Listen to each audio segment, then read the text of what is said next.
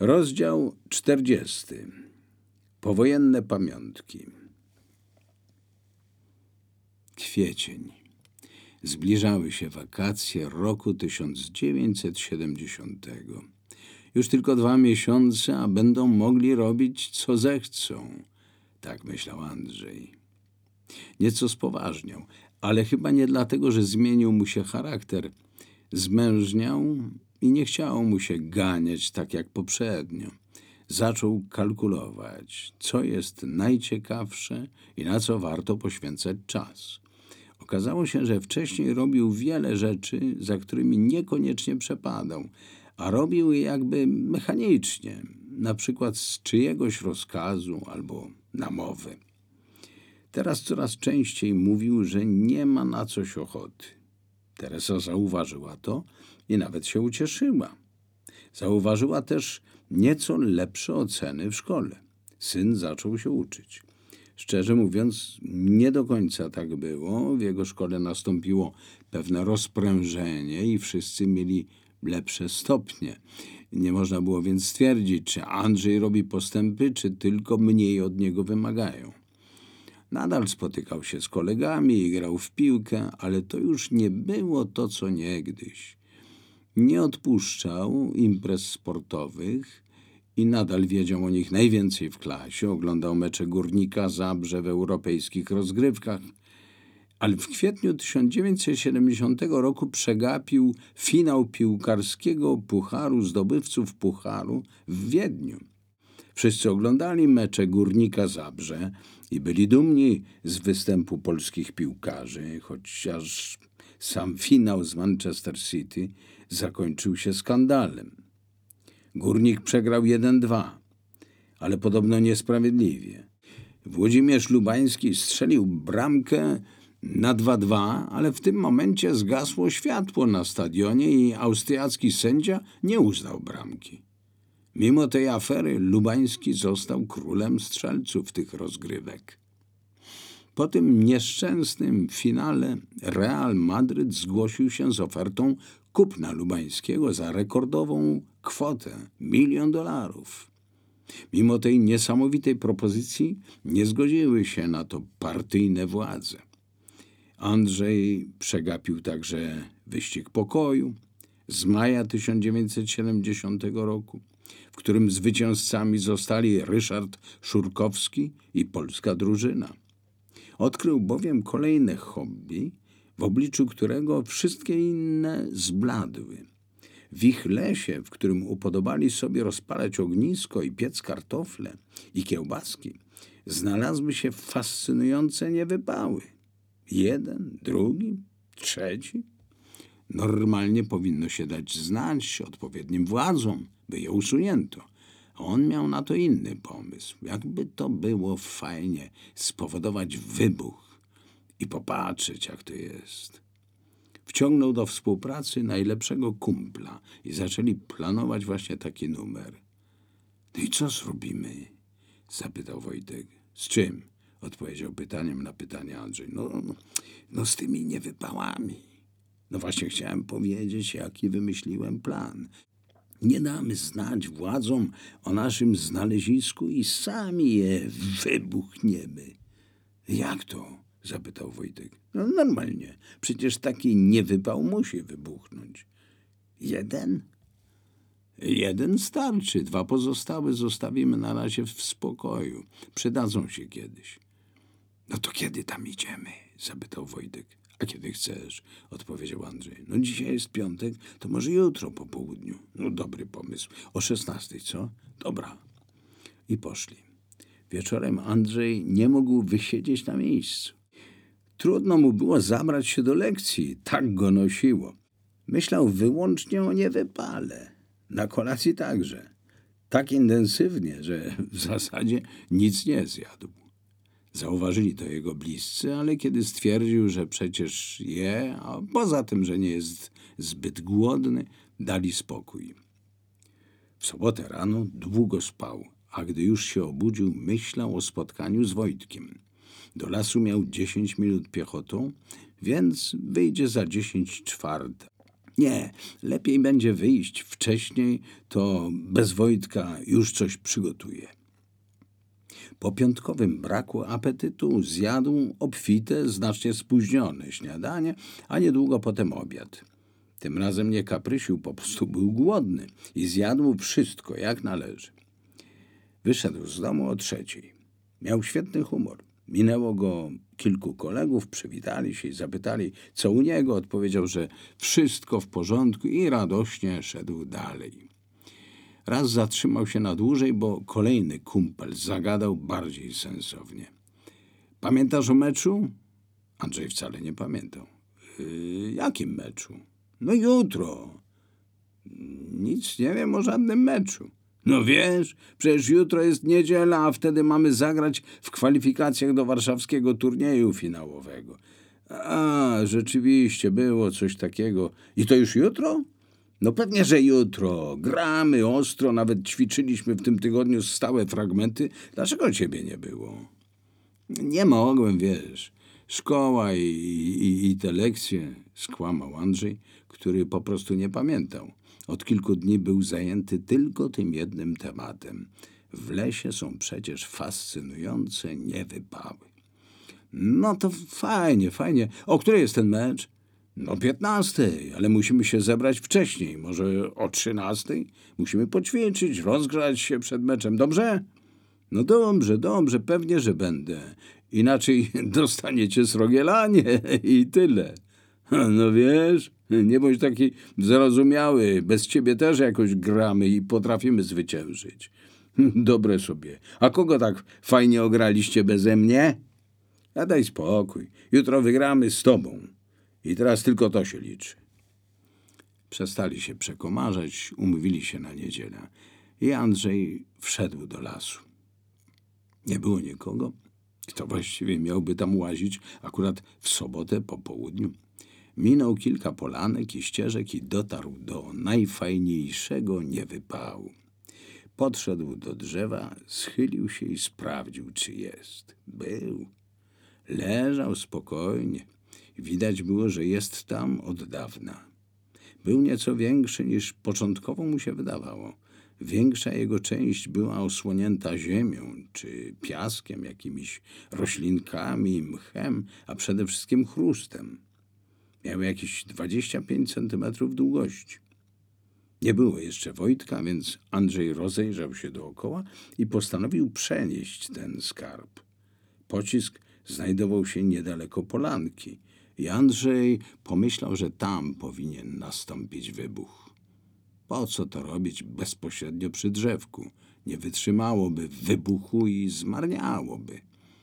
Może tak samo stałoby się z innymi, sąsiednimi drzewami a polanka to co innego. Delikatnie odsłonił palcami cały niewypał. Starał się robić to ostrożnie, by nie wybuchł w niewłaściwym momencie. Odsunął od niego ziemię, robiąc dookoła dołek i podniósł artefakt. Uch, nie wybuchł. Powoli przeszedł na polankę, położył niewypał na jej skraju. Sam stanął pośrodku polany i przygotowywał wygodne miejsce, odpowiednie dla wybuchu. Tutaj także podsuwał, co się dało i odsłonił ziemię. Zrobił w niej niewielkie zagłębienie. No i wtedy przyszedł Wojtek. Co robisz? No dołek, znaczy tron dla mojego niewypału. Tron? Zdziwił się Wojtek. A no tron niewypał, który tam leży, zasługuje na tron, prawda? No nie wiem, no, skoro tak uważasz. No uważam. A, a jak go chcesz wysadzić? A właśnie. Skoro leżał sobie tak długo, znaczy jest oporny. Pewnie najlepiej będzie rozpalić tu małe ognisko, wsadzić do niego ten metal i poczekać. Myślę, że gdy się rozgrzeje, wybuchnie jak nic. Ale to niebezpieczne? Chyba tak, ale będziemy schowani. Gdzie? No, a jak myślisz? zapytał nieco rozdrażniony Andrzej. No, pewnie za tymi grubymi drzewami. No właśnie. Ognisko było gotowe. Andrzej przygotował placek gołej ziemi w kształcie koła o średnicy około półmetrowej. Razem z Wojtkiem ułożyli stosik z gałązek gotowy do podpalenia. Andrzej wymyślił, jak mają go podpalić, a przedtem ułożyć na nim niewypał. Niewiele myśląc, podszedł do niewypału, uniósł go delikatnie i ułożył na dwóch złączonych ze sobą dłoniach. Podszedł do ogniska i jeszcze ostrożniej ułożył w środku pola. Przyszedł czas na wzniecenie ognia. Chłopcy podpalili drewienka leżące na skraju ogniska. Coś nie wyszło i ogień zgasł. Powtórzyli operację raz i drugi, aż wreszcie ogień ogarnął gałązki i powoli się rozprzestrzeniał. Ognisko płonęło już na serio, oczywiście razem z niewypałem. Zanim jednak rozpaliło się na dobre, chłopcy uciekli z polany i skryli się za najgrubszymi drzewami. Czekali, czas mijał, a wybuchu jak nie było, tak nie było. Wreszcie nie, to tylko jakiś inny odgłos. Już im się wydawało, że się zaczyna, ale nic z tego. Najwyraźniej ich zmysły były napięte do granic możliwości. Napięli mięśnie w tym idiotycznym wyczekiwaniu, a gdy tylko do ich uszu docierał jakiś hałas, wzdrygali się. No i co? Nic. Ognisko się wypaliło, ogień zgasł, a nie wypał, jak leżał ponad 25 lat, tak leżał. No co robimy? spytał Wojtek. Bo ja wiem, odpowiedział Andrzej. Może podpalić to jeszcze raz? No, chyba tak. To co, podchodzimy? Nie ma rady, podchodzimy, zgodził się Wojtek. Wychylili się spoza drzew, wstali, otrzepali zakurzone spodnie i powoli szli w kierunku wygasłego ogniska. Bali się, ale ciekawość zwyciężyła. Podeszli na odległość około jednego metra i się stało. Nagle nie wypał się obudził, najpierw jakby zaszeleścił, tylko przez ułamek sekundy Andrzej usłyszał ten dziwny dźwięk, ale nawet nie zdążył pomyśleć, a już rozległ się rozsadzający bębenki w uszach. Huk jeszcze widział całą scenerię tak misternie zaplanowaną, a za chwilę wszystko zniknęło i zamieniło się w ciemność. Andrzej nie umiał zrelacjonować, co działo się później. Urwał mu się film. Opowiedzieli o tym inni, ci, którzy akurat tamtędy przechodzili. Z ich relacji wynikało, że Andrzej i Wojtek leżeli przy tym ognisku jak nieżywi. Pewnie spędzili tam sporo czasu. Znaleziono ich wieczorem, gdy słońca już prawie nie było i robiło się szaro. Leżeli w pewnym oddaleniu od epicentrum wybuchu. Podmuch sprężonego powietrza odrzucił ich w stronę drzew. Gdyby poleżeli dłużej, mogliby tego nie przeżyć. Potrzebna była interwencja lekarska. Na szczęście jacyś młodzi ludzie szli tamtędy i ich zauważyli. Byli wstrząśnięci widokiem, z którym przyszło im się zmierzyć. Dziewczyny zaczęły histerycznie płakać. Któryś z chłopców wykazał więcej zimnej krwi i zaczął kierować akcją ratunkową. Kogoś z nich wysłał biegiem po pomoc, reszta delikatnie sprawdzała, czy Andrzej i Wojtek nie wymagają natychmiastowych ratowniczych zabiegów. Nie potrafili ich wykonywać, ale się starali. Wydawało się, że obaj chłopcy żyją. Po pewnym czasie przyjechała karetka pogotowia i rannymi profesjonalnie zajął się lekarz. Ktoś z grupki młodzieży rozpoznał chłopców i pobiegł powiadomić bliskich. Przybiegła Teresa i inni członkowie ich rodzin. Na polance zebrał się całkiem spory tłum, a wszyscy stali cicho w poczuciu grozy tej sytuacji. Czekali na werdykt lekarza na dobre wieści. Tak to jest, że w obliczu wypadku, być może nawet śmierci, nie ma różnicy, bliski czy obcy. Każdy staje się bliski. Lekarz sprawdzał i sprawdzał. W końcu powiedział: Niestety, Drodzy Państwo, jeden chłopiec nie żyje i nic się nie da zrobić, a drugi jest poważnie ranny. Zabieramy obu do szpitala i to prędko. Pogotowie zabrało chłopców, a tłum się rozszedł. Teresa już wiedziała, że chłopcem, który przeżył, był Andrzej. Wojtek zmarł. To kwestia przypadku. Gdzie polecą odłamki niewypału? Równie łatwo mogą ugodzić w głowę, serce, brzuch. Mogą jednak ominąć newralgiczne punkty i jedynie lekko zranić.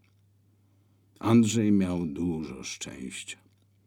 Jak się okazało, podmuch odrzucił go w stronę drzew kilka metrów dalej, a w jego ciało wbiło się kilkadziesiąt małych odłamków niewypału.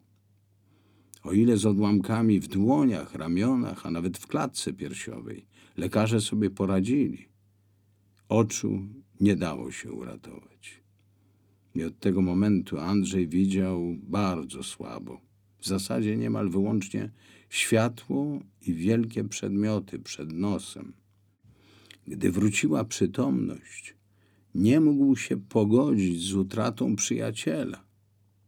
Przecież on sam namówił Wojtka do tej idiotycznej zabawy. Zastanawiał się, skąd przyszedł mu do głowy taki głupi pomysł. Skąd chęć nieustannego prowokowania losu, chęć przeżycia czegoś, co wykracza poza zwykłe doświadczenie? Zmądrzał, ale było za późno. Żadna mądrość i skrucha nie przywrócą życia koledze. W szpitalu był długo. Wyszedł do domu dopiero pod koniec maja. Nadal miał zwolnienie lekarskie z zajęć, to też nie musiał uczestniczyć w lekcjach. Korzystał z tego, bo nadal nie lubił się uczyć. Teresa zastanawiała się, czy Andrzej będzie mógł wrócić do starej szkoły.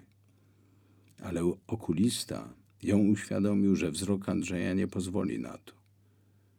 To kolejny cios.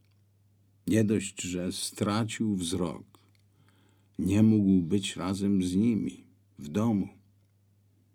Nic nie można było zrobić.